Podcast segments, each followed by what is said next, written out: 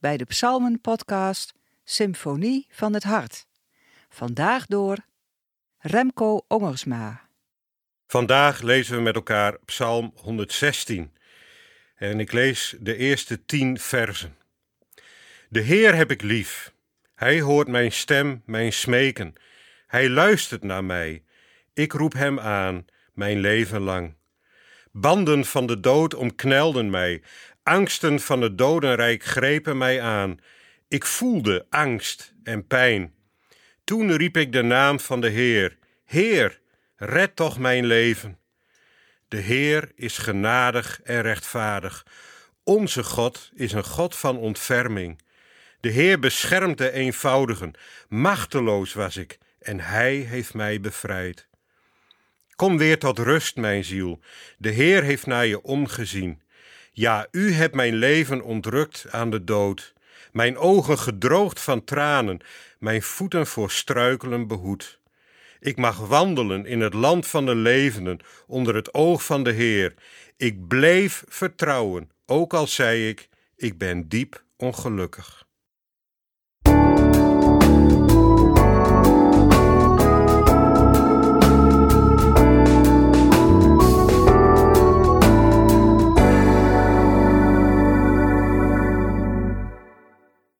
Ik hoorde eens het verhaal van een oud voorganger op het platteland, die altijd in de eredienst dankte voor het weer.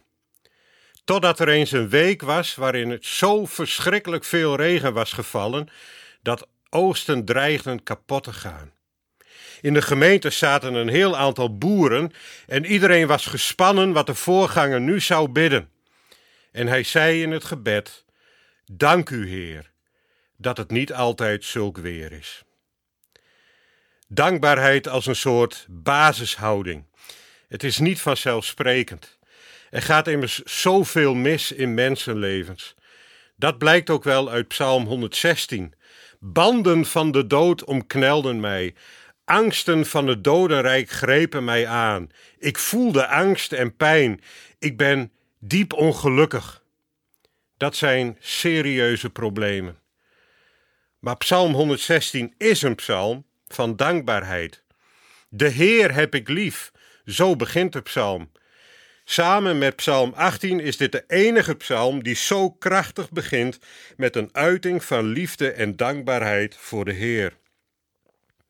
Psalm 116 is een lofzang voor de Heer, die in de diepste nood bij de psalmist was en zich over hem heeft ontfermd. Het is een psalm waarin zicht wordt gehouden op het ware leven en op hoop, te midden van pijn en dood. Daar wil de psalmist ook niet zomaar aan voorbij gaan. Hoe kan ik de Heer vergoeden wat Hij voor mij heeft gedaan? Dus hoe kan ik Gods goedheid beantwoorden? Met dankbaarheid. En dan doet Hij ook beloften.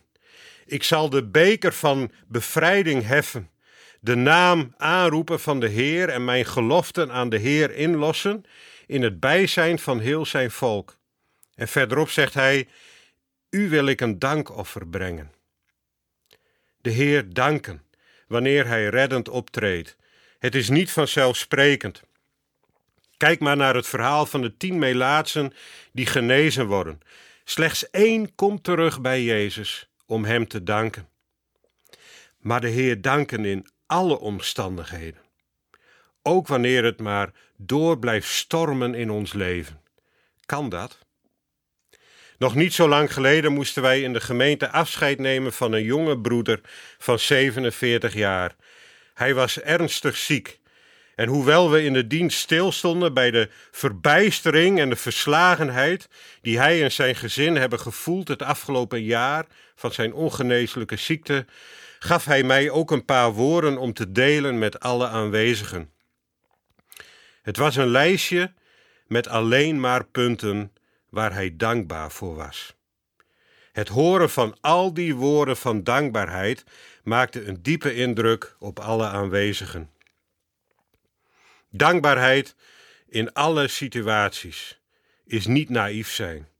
Het is niet je kop in het zand steken voor alle ellende die in mensenlevens plaatsvindt.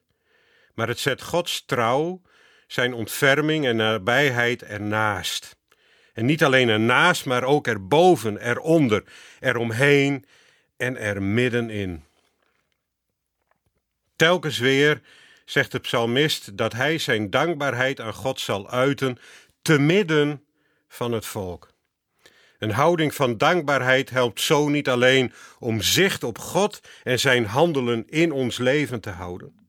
Het zorgt er niet alleen voor vreugde en hoop in onze eigen harten en in onze eigen gedachten. Het is ook een getuigenis die aanstekelijk werkt op heel je omgeving. En dus nodigt Psalm 116 ons vandaag ook uit om antwoord te geven op die vraag: waar ben jij vandaag allemaal dankbaar voor?